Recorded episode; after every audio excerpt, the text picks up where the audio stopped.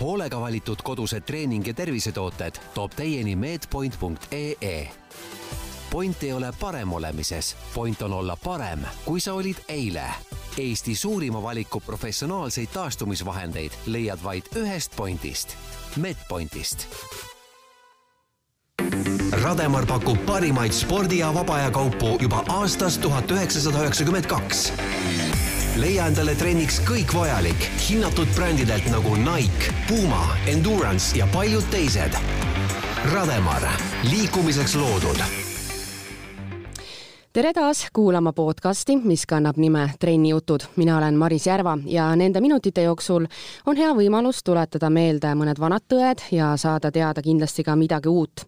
ehk siis käsitleme kõike, mida üks enda tervisest hooliv inimene, kes võib-olla tahab veel rohkem liikuma hakata, teada võiks ja harrastussportlaste osakaal Eestis aina kasvab ja üha rohkem kerkib üles küsimus, kui teadlikult sporti ikkagi tehakse. ja tänases osas keskendume eeskätt taastumisele. stuudios on külas Medpointi tegevjuht Karl Lumi. tervist! ja tipptreener Indrek Tustit, tere tulemast! aitäh! kas vastab esiteks tõele see või on see mulle jäänud selline mulje, justkui sporti tehakse praegu üha rohkem mm,? Okei okay,, Indrek vastab. jaa et äh, ma arvan, et tehakse rohkem jah, et äh, on ju kõigi nende rahvaürituste pealt näha, et äh, numbrid järjest tõusevad ja nii palju, kui MyFitnessid ja seal on numbrid välja tulnud, siis see rahva hulk, kes seal käima on hakanud, on hästi suur. et et äh, ma arvan, et praeguse selle mis iganes äh, viiruse ajal lihtsalt on väljas sportivate inimeste hulk hästi palju tõusnud. jah, et tundub, et, äh, et konkreetselt selle aasta jooksul juba on veel see sporti tegevate inimeste osakaal tõusnud? ilmselt suund on veidi muutunud, aga üldiselt küll, jah aga millest see tuleb, oskate te öelda, kas see on see, et Eesti on niisugune väike riik, kuidagi keegi teeb väga head turundustööd, kõik info jõuab kergesti inimesteni, inimesed on teadlikud või, või miks on nii, et, et Eesti on varsti enam mitte laulurahvas, vaid nagu spordirahvas? no ma arvan, et see trend on muutunud nagu üle maailma, et äh, Eesti on ju kõigis oma trendides umbes neli või viis aastat maailmast maas.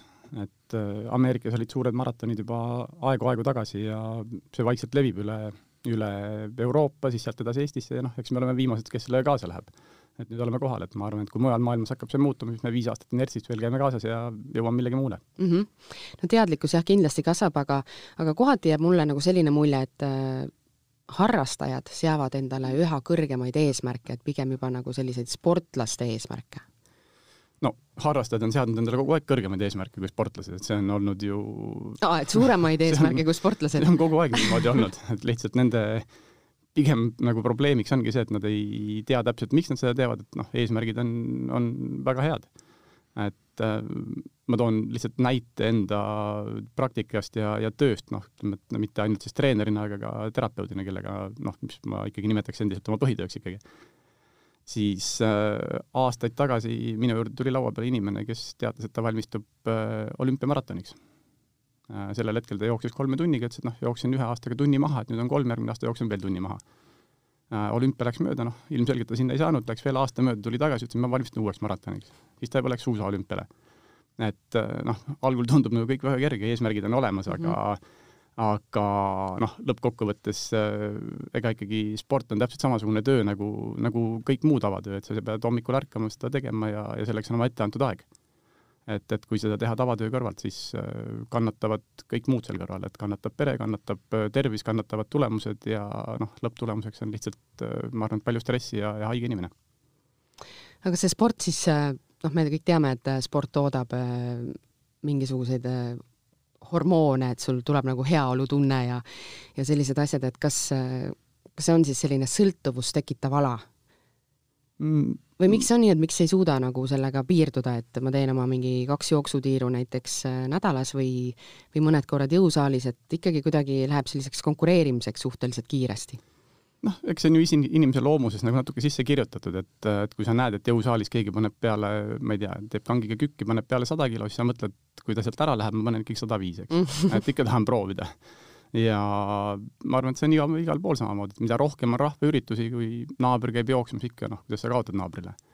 et äh, selles suhtes äh, kunagi nüüd juba aastaid tagasi, kui me Gerdiga töötasime, siis me Raul Rebasega oli hästi tihe suhe kogu aeg. ja Gerd Kanteriga siis? Gerd Kanteriga, jah. et siis ähm, me üritasime Rauliga nagu defineerida, et äh, tegelikult ei ole nagu rahvasport, tegelikult on nagu kolm erinevat spordiliiki, et on rahvasport, tervisesport ja tippsport. Ja ma arvan, et tänasel päeval kõige rohkem nagu aetaksegi segamini, et mis on äh, rahvasport ja mis on tervisesport. ja aga mis nende vahe on? no meie definitsioonis oli, lõpuks me jõudsime sinna, et rahvasport on see, et mis on tippsport, mida üritatakse teha töö kõrvalt. ja tervisesport on siis see, et olla tervem, tugevam ja tunda end hästi et teed vastavalt oma võimetele ja? jah, et see on, eesmärgid on erinevad. Äh, rahvasport on, on tippsport, äh, valimata vahendeid, kuidas sinna jõuda, valimata aega ja saamata aru, et, et tegelikult see ei ole minu põhitöö. aga tervisesport kaks-kolm-neli korda nädalas kindla eesmärgiga, et tunda ennast paremini ja nii, nagu sa just alustasid selle küsimusega, et saadagi see nii-öelda hormonaalne tase natukene paremaks ja et mul oleks neid hormoone, mis mulle head tuju tekitavad äh, kehas rohkem ja, ja kõik ümberringi oleks õnnelikud.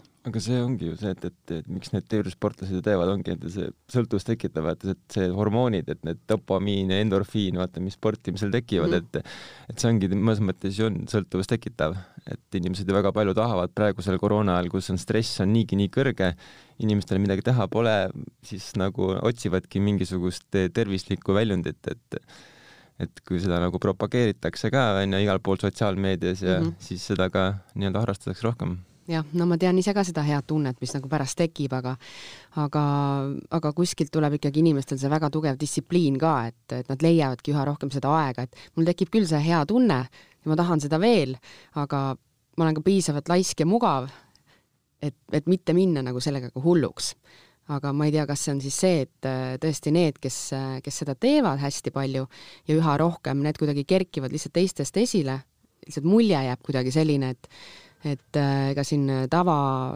tavalistes riietes rattureid nagu enam harrastajate seas väga ei näe, et et need liibuvad kostüümid on juba kuidagi nagu rohkem need, mis silma jäävad jah, kõik on ikkagi juba profisportlased, et, et kes ratta selga läheb, et seal peab olema noh, esimese asjana ikkagi rahvasportlane ostab endale varustuse, mis on vähemalt sama hea kui need, kes Tour de France'il sõidavad. et, et noh, ega sealt nende see sporditase algabki, et et äh, ja noh, sealt edasi hakkavad võimed tulema. nojah, aga kui sul ongi mõte, eks ju, et nüüd ma tahan hakata tegema, siis äh, mul on vaja mingit varustust ja see varustus on tegelikult nagu nii suur kuidagi motivaator kõige selle juures, et noh, nüüd ma ostan endale need asjad kokku ja ja sa lähed sinna poodi ja siis sa võib-olla mõtled, et noh, ma võtan mingi ratta ja, ja mingid retuusid, aga siis sa näed, mis on see valik. ja kallim ja mingi profim tundub alati lahedam kui need mingid suvalised püksid.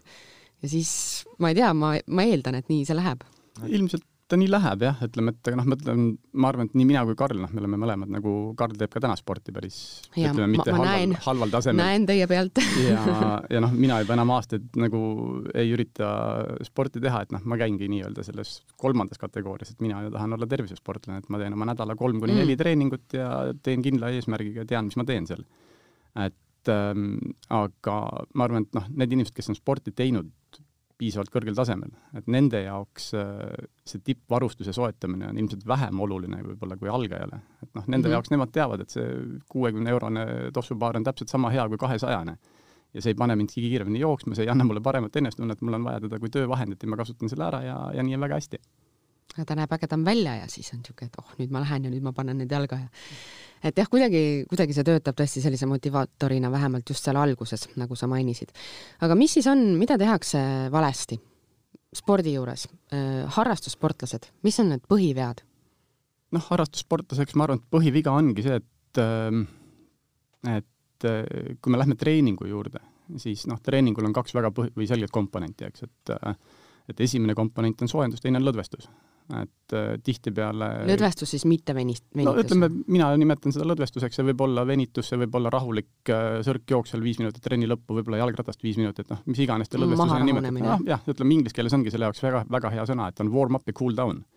et eesti keeles ei ole, noh, ütleme mahajahtumine ei ole nagu väga, või mahajahutamine ei ole hea sõna. Warm up on ka enne pidusid no vorm ka enne pidusid, et see okay,. aga nagu cool down'i pärast pidusid ma pole nagu täheldanud, et see läheb ka ikkagi nagu täie hooga välja. jah, et ähm, ma arvan, et see ongi nagu esimene pool, mis ära unustatakse ja, ja kindlasti teine pool, mis ära unustatakse, on siis see, et et et milline on selle treeningu iseloom, mille ma olen teinud, et, et kui mul on väga raske treening, et kas ma taastun sellest ühe, kaks või kolm päeva, et tihtipeale ikkagi see treeninggraafik pannakse paika endale selle järgi, et kuidas mul töö kõrvalt on seda võimalik teha. Et noh, iga päev ei sobi ja siis, kui ma teangi, et mul on kolm päeva järjest võimalik teha, esmaspäev, kolmapäev või esmaspäev, teisipäev, kolmapäev, siis ma teen need kolm päeva võimalikult tugevalt aga noh. ja see on vale juba? jah, see on juba vale, et mhm. päris treening päris niimoodi ei toimi, et ütleme, ja siis me jõuamegi sinna selle muu taastumispoole peale, et esimese trenniga te olete natuke väsinud, teisega olete rohkem väsinud, kolmandaga olete täiesti väsinud. läbi omadega? jah, ja ütleme neljapäevaks jääte haigeks. aa, ja, ja, vot seda ma tahtsingi küsida, et mis see noh, et kuidas see siis kätte maksab nii-öelda, et kui ma esmaspäevast kolmapäevani noh, piltlikult öeldes hullu panen, et äh, haigeks jääme siis, jah? noh, või kui kuskil annab tunda? kuna kusagil ta annab tunda jah, et äh, kelle organism on tugevam, kellel nõrgem, et, äh, et noh, mõnele piisabki kahest nädalast võib-olla, et äh, kui on viiruseid rohkem, kui on päikest vähem, siis tulevad need haigestumised palju kiiremini, kui keha on nõrk. aga noh, teine peab vastu võib-olla kaks kuud või kolm kuud, aga, aga kui ikkagi kogu aeg valesti teha, siis varem või hiljem see juhtub, et noh, ütleme, et kolm, neli, viis, kuus kuud, et ja noh, sõltuvalt seal vanusest ja, ja eelnevast nagu sportlikust tasemest, et noh, kusagil ta maksab ennast kätte ma arvan, et üks kõige parem valem, mida inimestel võib-olla öelda, ongi see, et, et tegelikult me aasta jooksul maksimaalselt oleme tegelikult võimeline kuskil sada trenni tegema, ütleme kogu aasta jooksul ära jagada. nüüd, kas me teeme siis seda nagu üle kahe päeva või me teeme siis seda nädal aega järjest, kaks nädalat puhkame, et noh, kaks nädalat puhkame, puhkame sunniviisiliselt juba nii-öelda. et sa oledki kas haige või vigane või, või muu põhjus juba, et, et pigem on võttagi nagu rahulikult, et ei ole mõtet kiirustada selle nagu, et järjest teha seitse päeva, et noh, see on üks, üks hetk see nii-öelda tagasilöök tuleb nagu ikkagist ja see, see sunnitud puhkus tuleb niikuinii, et see kiirustamine iga päev, et see ei aita, et pigem võttagi rahulikult, onju, et see sada päeva ära jagada ilusti aasta peale, siis ma arvan, on need tulemused eh, nii silmaga nähtavad kui ka enesetunde poolt nagu tuntavad. jah, ei, hea öelda, eks, aga miks, miks ikkagi kõik teistmoodi teevad? Ma arvan, et teadlikkus. ei no kõik kindlasti ei tee jah. kõik aga... ei tee, aga suures osas ma arvan, et see ongi teadlikkus, et äh, keegi ei ole enda jaoks ju, ütleme, tavainimene ei, ei pane endale paberile kirja, et ma täna treenisin selle protsendiga selle hulga tunde, see tähendab, et sellest treeningust ma nüüd pean taastuma, ma ei tea, kakskümmend neli, nelikümmend kaheksa, seitsekümmend kaks tundi, siis ma võin teha uue samasuguse treeningu äh, ei panda omavahel kirja, et tänase treeningu iseloom oli, ma ei tea, kas vastupidavus või laktaatne või plahvatuslik ja nüüd ma tean, kuhu ma selle nädala tsüklis paigutan ja mis sellele võib eelneda, mis sellele võib järgneda. et noh, nii nagu mis see plahvatuslik tähendab lihtsalt huvi pärast? ütleme, väga tugev jõutreening suurte raskustega, siis lühikesed kordused ja nii edasi. et ähm,, et noh, ma arvan, et väga vähe on neid tavainimesi, kes seda niimoodi hakkavad enda jaoks paberil analüüsima ja, ja et noh, mitu kilogrammi ma täpselt tõstsin või, või mis mu südamelöögi sagedus oli ja kas ma olin siis nii-öelda, ütleme siis rahvakeeli punases või mitte, on ju. Ähm, noh, see on süsteem nagu iga teine töö, et, et kui seda ei jälgi, siis äh, kusagilt te lähete ikkagi miinuspoole peale. kui palju te oma töös näete seda, et tõesti inimesed, kes, kes ongi siis teinud selliseid tüüpvigu igapäevasel sportimisel, jõuavadki näiteks teie juurde noh, ühel või ühel või teisel moel siis nagu abi otsima. et äh, noh, mitte, ma ei räägi siin professionaalsetest sportlastest, vaid äh, täitsa nagu tavainimesed, et kas on selliseid juhtumeid? no kui ma võtan ennast kui terapeuti või terapeudina, siis äh, jaa, ma, see mu töö ongi. et ma ainult selliseid inimesi enamus, enamuses näengi, et äh, siis on ju hea, et inimesed taipavad nagu ikkagi tulla ja, ja lahendust leida. no nad tulevad siis, kui enam nagu siis, kui häda käes jah, siis kui häda on niivõrd käes, et enam ei ole muud moodi võimalik elada, et noh, ütleme, et tegelikult äh, ma olen üritanud seda nagu kõigile võimalikult lihtsaks öelda, et noh, et kui teil on auto ja armatuur laua peal, läheb punane tuli põlema, et teie jaoks on see punane tuli ükskõik mis, ma ei tea, valu käes, põlves, küünarnukis äh,, hommikul ärkate väsinuna äh,, saate kerge külmetushaiguse kergemini, kui te muidu olete saanud, noh, need kõik on teie jaoks punased tuled. et tuleks juba ja, reageerida. ja sellele tuleb reageerida mm. -hmm. et noh, kui autol ikkagi kütusetuli põleb tükk aega, et noh, ta jääb seisma, eks.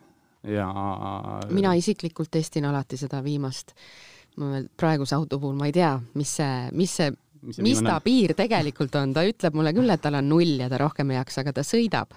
ja siis mul on selline väike sportlik hasart, et noh, et aga kus su piir tegelikult on. aga ma veel ei ole seisma jäänud selle pärast. jaa, noh, mis ma siis ei hakka ju varjama, et varem või hiljem see juhtub -hmm. eks. et et jah, aga no teie tänaseks päevaks äh, olete selles teemas väga kodus, aga kui te alustasite kas te mäletate oma kogemusest, noh, teil on ka kindlasti ju mingisugused õppetunnid olnud. En-, puhtalt enda puhul midagi läbi proovinud, läbi katsetanud? ma olen nii palju rääkinud, ma jätan selle Karlile rääkida, et noh, Karl katsetab siiamaani, et ma arvan, et tal on siin nagu no, paremaid kogemusi. ma olen jah vist ise niisugune kõige suurem äh, katsealune, et äh, iseenda puhul, et äh, noorena ikkagist noh, nüüd ma olen juba kakskümmend viis aastat sporti teinud ja millest ütleme siis noh, poole ajast võib öelda, et nagu tippsporti, et nagu professionaalina pooleldi isegi siis äh, jah, alguses ma ikkagist panin äh, trenni mõttes sõna otseses mõttes ikka päris hullu, et ma ikka tegin väga palju trenni. tagantjärgi mõttes ikka noh, täiesti mõttetu, kolm sammu edasi, kaks sammu tagasi kogu mm -hmm. aeg, et et võib-olla seetõttu ma olümpiale ei olegi jõudnud, et mul ei ole sellist äh, nii-öelda know-how'd olnud, et nii palju, kui võib-olla nüüd praegusel hetkel on ja ütleme siin Indrekul ja siin sellistel tippudel, kes Eestis on, et, et selline nagu teadmine on alles ütleme, niisuguse viimase viie aasta jooksul jõudnud, et ma tagantjärgi saan aru, et ikkagist see ületreenimine on ikka väga lihtne, et ma olen alati öelnud, et inimestele nagu, neile nagu noh, ütleme tre-, treenida on väga lihtne, aga keegi ei oska puhata. Või et siis, et noh, nagu Eestis ongi kombeks see, et, et lihtsalt võetakse kuskilt treeningplaan ja hakatakse lihtsalt tuima nagu tegema, teadvustamata omale seda, et eh, mis, mismoodi su keha nagu tegelikult reageerib, anu-, analüüsimata seda, et siis, siis minul ongi, ütleme, tagantjärgi tarkusena on väga palju arusaamad nagu muutunud. et nüüd ma ikkagist eh, arvan, et eh, olen, ütleme, kümme aastat tagasi saavutanud taseme kümne korda raskema tööga, olles nüüd ütleme siis eh, võib-olla samal tasemel eh, kümme korda väiksema tööga, et mina teen ka kuskil kaks või kolm korda nädalas trenni ainult ja täiesti piisab, et ma püsin terve, sest et ütleme, terve sportlane suudab teha nagu tulemusi, et kui me räägime tulemusspordist. mis see ideaalne intervall peaks olema näiteks, kui teekski kolm korda nädalas trenni, et ongi, et see nädala peale ära jagada, esmaspäev, kolmapäev, laupäev, reede no,, esmaspäev, kolmapäev, reede on kõige lihtsam nagu mm, -hmm, kõige Sättida. lihtsam jah, et seda on kõige lihtsam teha või, või ma ise olen jaganud enda jaoks teistpidi, et noh, ütleme, et äh, reede, pühapäev, kolmapäev, et, äh, et noh, algan nagu kolmast, kolmapäevast, et kolmapäev, reede ja pühapäev, et siis on nagu nädalavahetused on kõige tühjem aeg, et seal mm -hmm. on mhm. kõige rohkem aega ja seal on kõige lihtsam seda nautida, et ütleme, et esmaspäev muidu võtad äh, töö arvelt ja kõigi muude aegade arvelt ma arvan ka seda meelt, et tulebki leida just omale endale sobiv nagu graafika, et sellist esmaspäevast, kolmapäevast, reedest nagu nädalagraafikut ma nagu spordis ise nagu ei soovitagi, et pigem on üks asi on nagu tunde järgi, on nagu kõige tähtsam asi, et äh, ja noh, noh, iseendale nagu tulevikku ette kirjutada paberi peal on ka keeruline, tippsportlased seda teevad, aga tavainimesed nagu peaks minu arust väga palju lähtuma ikkagist nagu enesetundest, et kui sul on nagu tunne, et sa tahad minna, sa oled puhanud, siis mine nagu ja tee. aga kui sa oled natuke väsinud, aga sul samas mingi treeningplaan ütleb, et noh, et peaks nagu minema, et siis, siis pigem sellest mingit kasu ei ole, et äh, pigem just teed pigem halba, et see. et äh, une arvelt ei, ei ole mõtet teha sporti see paremaks siin küll ei tee, jah. et, et kui sa oled nagu väsinud, sa saad aru, et tegelikult ma ei tea, mul oleks praegu hoopis lõunauinaku moment või äh, aga samas mul on praegu ainus moment, et minna ka sinna trenni, et kui on selline valikukoht, et kui sa tunned, et sa oled nagu füüsiliselt väsinud, kas aga samas teeb jälle trenni palju head, pärast sa saad jälle energiat, et äh, no ma arvan, et seda ei saa nagu päris nagu niimoodi üks-ühele nagu võtta. et pigem seal tulebki ma arvan, et tippsportlane hakkabki ühel hetkel aru saama, et milline väsimus on okei okay väsimus ja milline väsimus on see väsimus, kust ma enam nagu üle ei tohi minna. et äh, ma arvan, et tavainimesel võtab see võib-olla natukene aega lihtsalt kauem, et, äh, et see, kas äh, teha lõunauinak, noh, kui te olete öösel neli tundi maganud, siis igal juhul see lõunauinak on su-, tõenäoliselt suurema kasulikkusega kui siin päeval tehtud trenn. kui te olete mm -hmm. öösel maganud kaheksa tundi, ja tunnete ennast väsinuna, siis ma arvan, et see lõunauinak võib-olla sai võib-olla natuke liiga palju šokolaadi söödud lõuna ajal või, või midagi muud magusat, mis teid uniseks tegi, et see tuleks ikkagi ära kulutada. Ehm, Eestis on suurim füsioteraapiatoodete valik ehm, müügil Medpointis. Karl, sa oled ise selle ettevõtte tegevjuht. mis, ehm, mis varustust te seal pakute mm,? noh alustasime rohkem eh, selliste nii-öelda taastusvahendite nii-öelda müügiga, aga nüüd me oleme ka nii-öelda niisuguse kodus treeningvahendite müügi peale suures osas nagu ka üle läinud, et, et vist inimesed hakkasid nii-öelda kodus väga palju treenima, et siis see nõudlus nagu läks ülesse, aga endiselt me oleme nii-öelda nii know-how kui ka tead-, ütleme nii-öelda kaubavaliku osas nagu just nagu keskendunud, et sellised kõige paremad või inimesele taskukohasemad taastusvahendid oleks nagu saadaval ja et meil on igasugu noh, täitsa seinast seina, et, et lihtsatest treeningkummidest kuni selliste kallite taastusmasinateni välja. ma vaatasin jah, te kodulehel ringi, seal oli mingi väga põnev aparaat, ma ei suuda muidugi selle nime meenutada, aga nagu mingi õhkkoti tõmbas äh, keegi endale nagu jalgade peale siis ja tšillis diivani peal ja siis midagi head juhtus temaga. see on, see on jah, selle nimi on äh, Air Relax, mis on siis kompressioonteraapia põhimõtteliselt, seal on nii-öelda kambrikesed, mis siis täituvad järk-järgult õhuga ja siis nii-öelda puht siis nii-öelda jõuga suruvad sul lihased siis äh, nagu puhtaks nii-öelda ja maakeeli öeldes, et see mm., et kuna meie verevarustus on väga hea arteriaalsel poolel, ehk siis see, mida nagu süda pumpab jalgadesse, aga ütleme, venoosne verevarustus, kui me oleme hästi passiivsed või üldse ei liiguta, et siis ka väikestes kapillaarides ja veresoontes on see verevarustus hästi kehva. et kui me, näiteks inimene ongi äh, see nii-öelda siis äh, verevarustus, mis, mis nii-öelda pumpab, liha, lihased pumpavad verd tagasi südamesse, ongi tänu sellele, et me liigume, et lihas äh, nagu teeb seda tööd ise meie eest. et seetõttu aktiivne puhkus ongi parem kui passiivne puhkus, et see alati väike jalutuskäik on kindlasti parem kui lihtsalt diivani peal vedelemine, aga kui nüüd tõesti ei saa jalutama minna või äh, vähe laisem inimene, et siis see e-relax teeb seda nagu teie eest. aga mis taastumiseks muidu kõige parem meetod on? Oh, neid on erinevaid. ei, kindlasti jah, aga ma mõtlen kõige, kõige selline tavalisem, et ma teen no. näiteks kolm korda nädalas trenni erineva koormusega, et, et ma nüüd pean puhkama, kas see on lihtsalt see, et ma hoian sealt trennist eemale, et see on juba puhkus või ma ei tea, lihtsalt kuskil lesimine, nagu me siin mainisime, et kas sellest piisab ka? no lesimisest tõenäoliselt ei piisa. ei piisa? et, et noh, suurema tõenäosusega on, Eestis on kaks koolkonda enam-vähem, et füsioteraap Äh, füsioterapeutide ja treenerite seas, et ühedele meeldib venitamine, teise, teistele ei meeldi mm. -hmm. minule meeldib äh,. siis on erinevad, kes ütlevad ja toovad välja välismaa kirjandust, et umbes venitamine ei tee mitte midagi, sellest ei ole mingit kasu ähm,.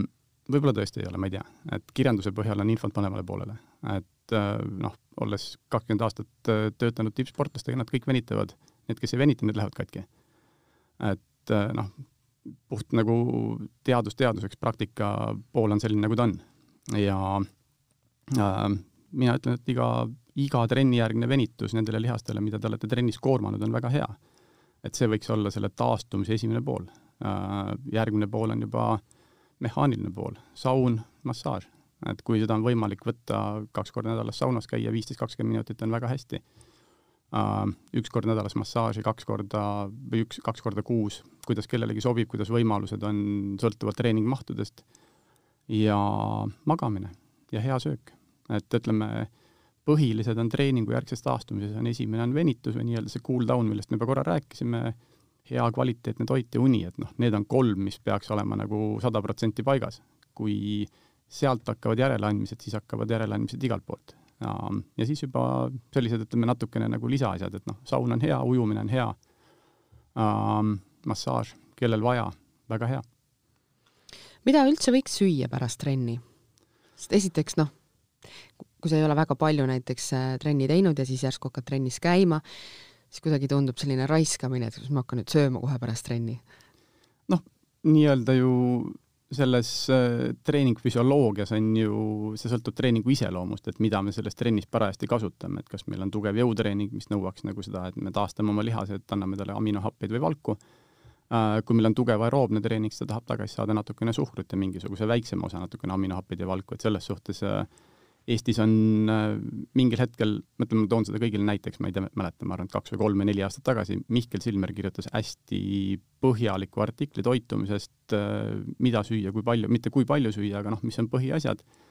ja ka millisel ajahetkel, et enne trenni, peale trenni, et kui ma eeldan, et äh, see ilmus minu meelest äkki Päevalehes, ma ei ole päris kindel, aga minu meelest oli et äh, kes tahab guugeldada selle üles otsida, siis äh, ega see inimene enam rohkem toitumisnõustajatega tegelema tegelikult ei peaks, et noh, Mihkel Silmeri artikkel oli, ma arvan, et parim, mida, mida tavainimesel üldse on nagu vaja teada okei okay., aga kui, äh, kui sa, Indrek, ise läheksid näiteks Medpointi valima mingisuguseid asju, noh, mingisuguse taastumiseks näiteks mingid vidinad, mis on abiks, siis mida võiks võtta?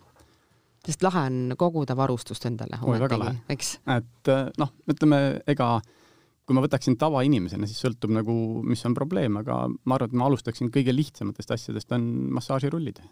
et äh, see on esimene, millest on kõige lihtsam alustada, see on aga treeningu see ei ole kõige mugavam, mugavam või siis see peab sul kuidagi väga käpas olema, et sa oskad seda kasutada, et seal peal see rullimine on juba minu arust ise selline trenn. on, aga trenn ei olegi mugav, trenn ei ole kunagi mugav. et äh, venitamine trenni lõpus ei ole ka mugav, suurte raskuste tõstmine on hästi ebamugav. et aga noh, kahjuks keha reageerib ainult mingitele konkreetsetele asjadele, et Mm -hmm, ebamugavustele. ebamugavustele jah, paremini kui mugavustele. ja noh, ütleme, et massaažirull on esimene, kes tunneb, et sellest jääb natuke väheks, siis on erinevad massaažipallid, on vibreerivad massaažirullid, mis lähevad oma mõju poolest natuke sügavamale ähm, ja kes juba teeb tõsisemalt natukene, noh, sealt edasi ma juba läheks massaažipüstoli juurde, et ütleme, massaažipüstol ei asenda kindlasti massaaži sada protsenti, aga ta aitab ikkagi need, ütleme, lihaspinged, mis on mingitesse konkreetsetesse punktidesse või kohtadesse tekkinud, väga suuresti leevendada.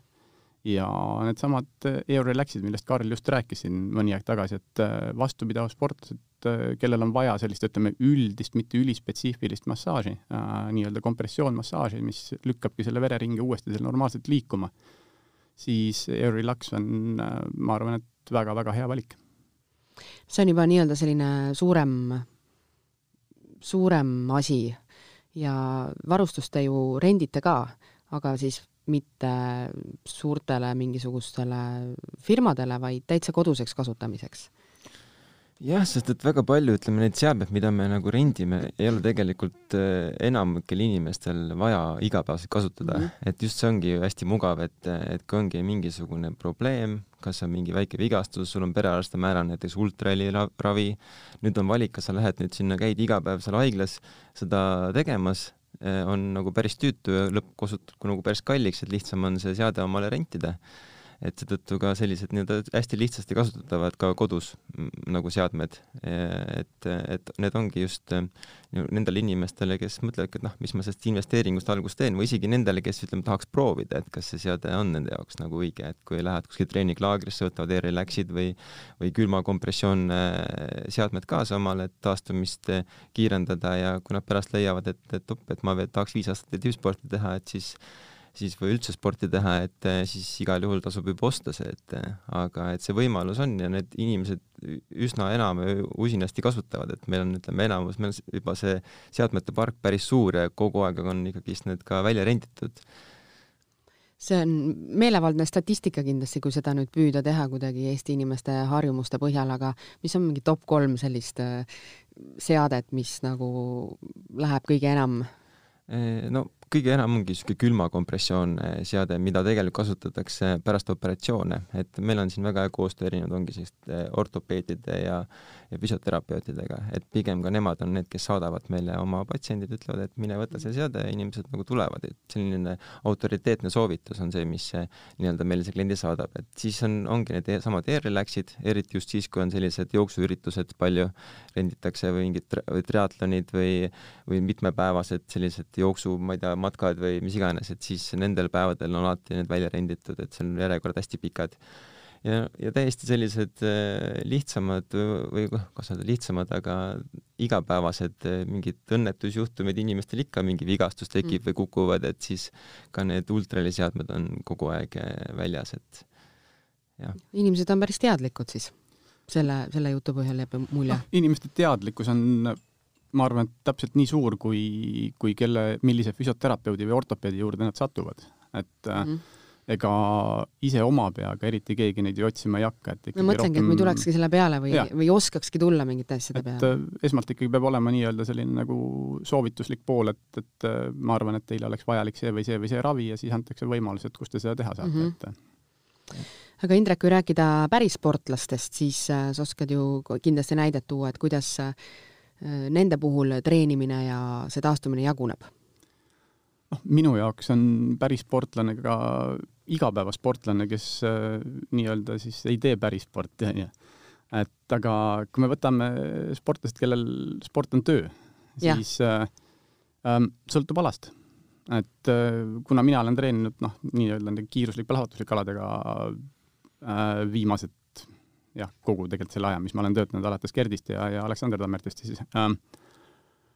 ka Gerd ja näiteks Magnus Kirt treenivad väga erinevalt, et äh, Magnuse treeningsüsteem ongi, enamuse ajast on esmaspäev, kolmapäev, reede, et need on tugevad treeningupäevad, Gerdil olid esmaspäev, teisipäev, äh, neljapäev, reede. et noh, kuna alad on natukene erinevad mm, -hmm. Magnusel on rohkem jooksu, rohkem hüppeid, äh, sellest taastumisajad on natuke pikemad, noh, Gerdil oli rohkem, oli selline, ütleme, kettaheide on rohkem nagu paiga peal tegemine, et, et sealt on taastumine lühem, et äh, aga noh, selline nädalaplaan.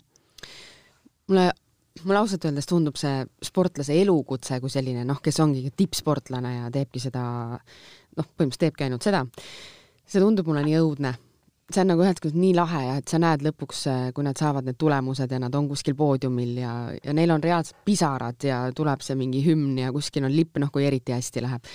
et, et sealt on nagu alati näha see, see valu või see noh, mida nad tegelikult sinna nagu kõik sisse on pannud et äh, kui ma olen siin lugenud ka erinevate naissportlaste päevakava ja üldse, üldse seda elu, kuidas nad siin toimuvad, üks äh, laager ajab teist taga ja kogu aeg on trenn ja hommikul lähed trenni ja siis sa tuled tagasi, siis sa sööd, siis sa õhtul lähed jälle trenni.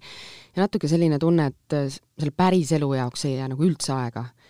et, et kas see ongi nagu nii selline kategooriline valik, et muude alade puhul sa võid olla karjääri tipus teha nagu tasemel ülihästi mingisugust asja, aga, aga sa ei pea nagu loobuma ka ikkagi muust.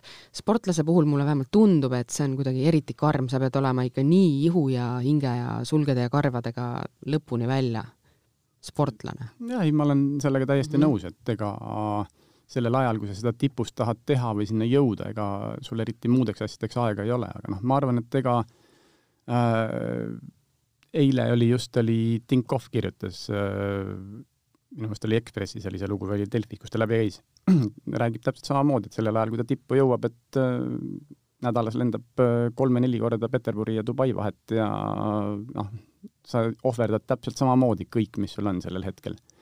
et ega see tippu mm -hmm. jõudmine, seal püsimine on, ma arvan, et igal erialal, ükskõik mida sa teed, et see ongi üks suur hulk ohverdusi, aga noh, seda ei saa vaadata, ma arvan, et sellel hetkel ohverdusena, et see on tegelikult see, mida sa ka kõige rohkem oma elus naudid, et sellisel juhul ta ei ole üldse ohverdusena, su enda mõttesse ei teki ta üldse selline.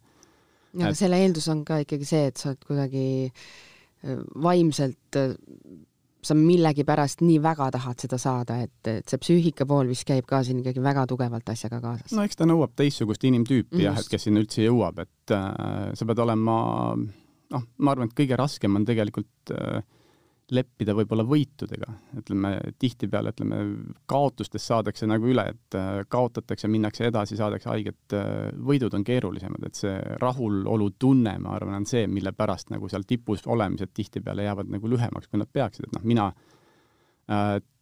imetlen või hindan nagu palju kõrgemalt neid sportlasi, mitte neid, kes on sinna ühe korra jõudnud, siis uuesti alla kukkunud väga kiiresti, vaid neid, kes suudavad seal viis kuni kümme aastat äh, püsida, kes ei tee seda asja enam ei finantsilise kindluse ega mitte millegi muu pärast, vaid noh, see näitabki, et nad lihtsalt, nendele meeldib see, mis nad teevad, et noh, tennisistid, üks põlvkond, äh, kolm tükki, et äh, Nadal, Federer, Djokovic tegelikult on ju olnud seal tänaseks päevaks viisteist aastat mm -hmm. ja ja noh, see on nagu minu jaoks nagu imetlusväärne, et noh, sa, sa lihtsalt tahadki seda teha nii meeletult ja sa paned kogu oma elu sinna. seleta, mis sa mõtled, et võidud on rasked? võit ongi raske, et selles suhtes, et ega noh, sa võidad, sa arvad, et sa oled midagi saavutanud nüüd Nii. sa ärkad järgmisel hommikul üles, siis hakkad tegema hakkad täpselt sama pihta. asja, sa jätkad täpselt samamoodi. siis tuleb nagu mingi surve või paine peale, et kui ma nüüd võitsin, et see seab sind siis uuele levelile või üks mis? on, üks on surve ja paine natukene, et, et sa tahad seda korrata, aga teine on see, et sul tekib ilmselgelt ka rahulolu sellega, et mida ma tegin, ma saavutasin midagi. et, et kas sa tahad nüüd minna ja selle kõik uuesti, ütleme olümpiavõit on väga kihvt asi. et äh, sa teed äh, võib-olla kaheksa või kümme aastat tööd selle nimel, et ühel päeval aastas, sa pead olema maailmas kõigist parim.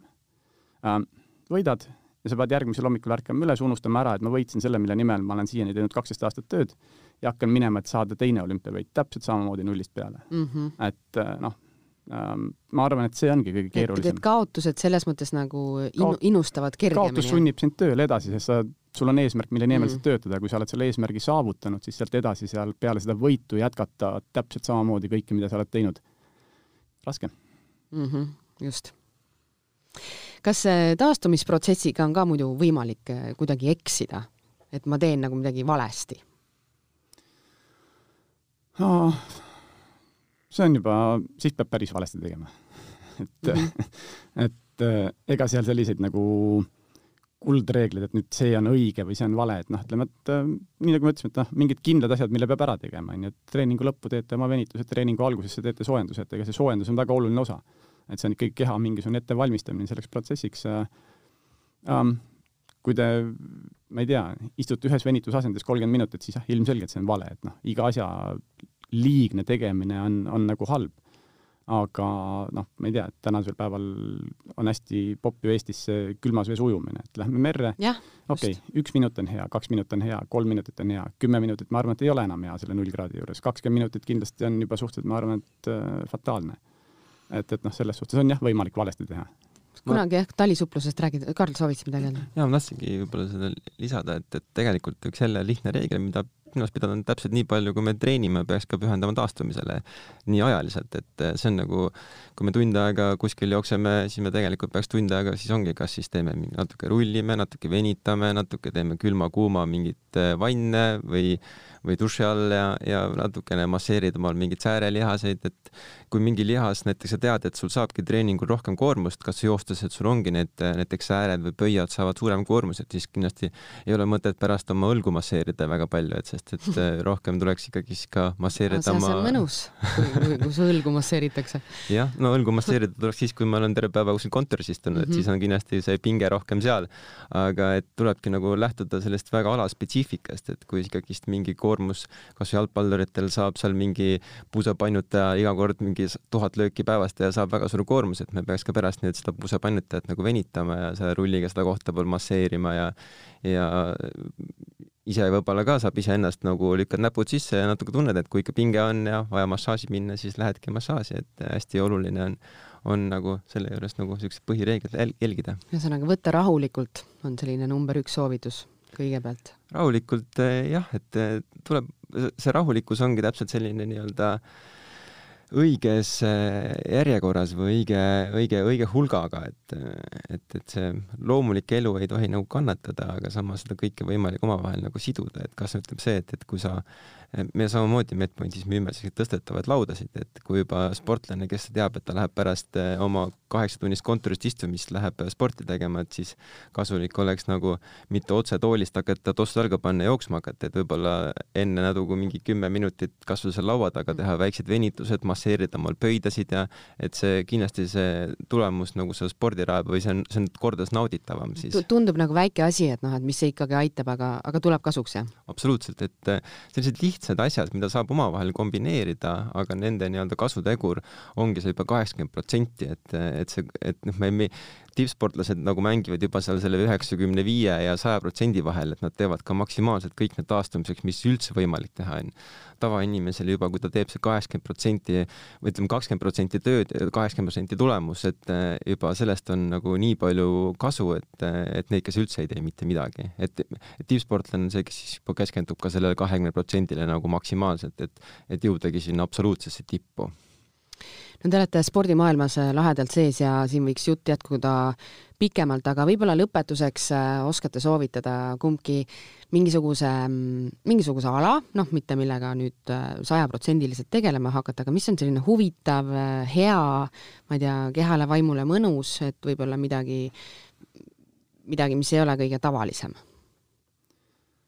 mina soovitan ainult tavalisi asju, et et mul väga hea. et mul ei ole nagu ebatavalisi -hmm. asju. et ei ole midagi niisugust põnevat, et vot proovige seda, et. ei no ütleme, need põnevad asjad on, on põnevad kuni esimese vigastuseni, et, et selles suhtes väga ähm, noh, selline kõige lihtlabasem võib-olla või reegel, mida võib võtta, on see, et noh, et äh, nädalas võiks olla üks tugev jõutrenn, üks korralik äh, venitustrenn, üks korralik äh, siis ütleme selline aeroobne, no, aeroobne treening jah. ja ütleme noh, seal ma ikkagi mõtlen nagu selles suhtes seda jõutreeningut ka ikkagi ütleme piisavalt suurte ja tugevate raskustega. et, et noh, mida iga inimene peab ise aru saama. et mis... mitte siis kolm korda nädalas näiteks seda no. nii-öelda kangi tõsta, vaid? no kolm korda nädalas on see, et sellest äh, nädalasest mahust võiks olla üks tugev treening aga kolm korda nädalas võiks seal jõusaalis nagunii käia, et kaks mm -hmm. tükki on sellised, mis on nagu kaasa aitavad, noh, et äh, kui ei ole tegu sportlasega, kellel reaalselt nagu on soov mingisugust tulemust teha. et kes tahab ennast tervena hoida, siis, sest noh, ütleme, inimese keha nõuab ikkagi impulssi, et ta natukenegi areneks, et muidu ta hakkab taandarenema, et kui me teeme oma kolmekümne protsendise raskusega oma maksimumist, teeme iga päev seal kakskümmend kordust, noh, ega see meid eriti ei aita. Et kümme põiatõusu päevas on, on tore number, aga, aga noh, tegelikult see tähendab, et käime korra teisele korrusele ja tagasi trepist, et me oleme saanud sama efekti et mm -hmm. selline balanss erinevate asjade vahel, et, et aeroobne äh, painduvus ja, ja jõutreening, et noh, need peaks olema hästi balansis lihtsalt, et see on kõige igavam, aga kõige kindlam, kuidas te vigu ei tee. et äh, ja kõige kindlam, kuidas te vigu teete, noh, hakake tegema midagi hästi sarnast iga päev ja proovige oma maksimumi, et seal on suhteliselt kindel, et noh, te lõpetate väga kiiresti. Samas ma ütlengi, et mida mulle alati meeldib öelda, et, et inimestele, ka tippsportlastele, tavainimestele, et kõigile meeldib hullult kannatada, aga mitte pingutada, et aga et kui sa, et sa, et sa saaks pingutada, selleks peab olema selleks valmis et jube tore on lihtsalt nagu tuima näoga kannatada kuskil jooksurajal või suusarajal või, või palliplatsi peal niimoodi keelvestil, aga tegelikult see sind ei, nagu lõppkokkuvõttes kuhugile edasi sind ei vii, et sa oled seal oma selle tasemel, mõnel puhul võiks öelda, täitsa augus oma potentsiaali mõttes, aga et inimesed nagu teadvustaks omale seda, et, et mingil hetkel tuleks ka nagu siis pingutada, et, et ka see kümme pöiatõusu ütleme, teha lihtsalt äh, tuima näoga ära või siis niimoodi, et ma kümme pöiatõusu teen nüüd niimoodi, et mul on viissada kilo kukil, et, et see on nagu täiesti kaks erinevat asja, et ühel puhul ma pean nagu maksimaalselt kokku võtma ja pingutama ja ka siis nagu keha areneb, et ta läheb kuskil teisele levelile, aga pärast seda ma pean kindlasti ka siis taastuma, et see taastumine poolele ei jääks siis nagu unarusse, et iga kord, kui ma trenni lähen, mis nõuab pingutust, siis, siis on see alati sellise väga hea enesetunde ja, ja nii-öelda sellise äh, noh, feeling uga, et mm -hmm. pole mõtet nagu, ei ole mõtet kannatada, ma inimestele ei soovita kunagi kannatada midagi. et hambad ristis, ma pean selle ära tegema, okei okay, ma teen, ma ei viitsi seda teha, aga okei okay,, no ma käin selle nüüd ära, et olge rahul. jah, jah, et pigem midagi, jah, mingi asi, mis tõesti nagu väga meeldib, et ja nautida seda nagu sajaga, et seda ei pea iga päev, seda ei ole võimalik iga päev nautida, et seda saabki nautida nagu nii-öelda nädalas korra või kaks ja muudel päevadel võib nautida nagu ütleme muid asju, et ka kasvõi bowlingu mängimine on füüsiline tegevus on ju, et, et see, aga see ei nõua nagu eri suurt pingutust, ta on lahe ja inimestele nagu meeldib, sa oled seal mingil huvitaval tegevusel või mingi, mängid kergelt võrkpalli või teed mingeid muid siukseid füüsilisi kergeid tegevusi, et aga kuskile jõuda mingil alal, siis peab natuke pingutama, natuke vaeva nägema. Karl ja Indrek, suur aitäh täna tulemast! aitäh, aitäh.! Rademar pakub parimaid spordi- ja vaba aja kaupu juba aastast tuhat üheksasada üheksakümmend kaks. leia endale trenniks kõik vajalik hinnatud brändidelt nagu Nike, Puma, Endurance ja paljud teised. Rademar, liikumiseks loodud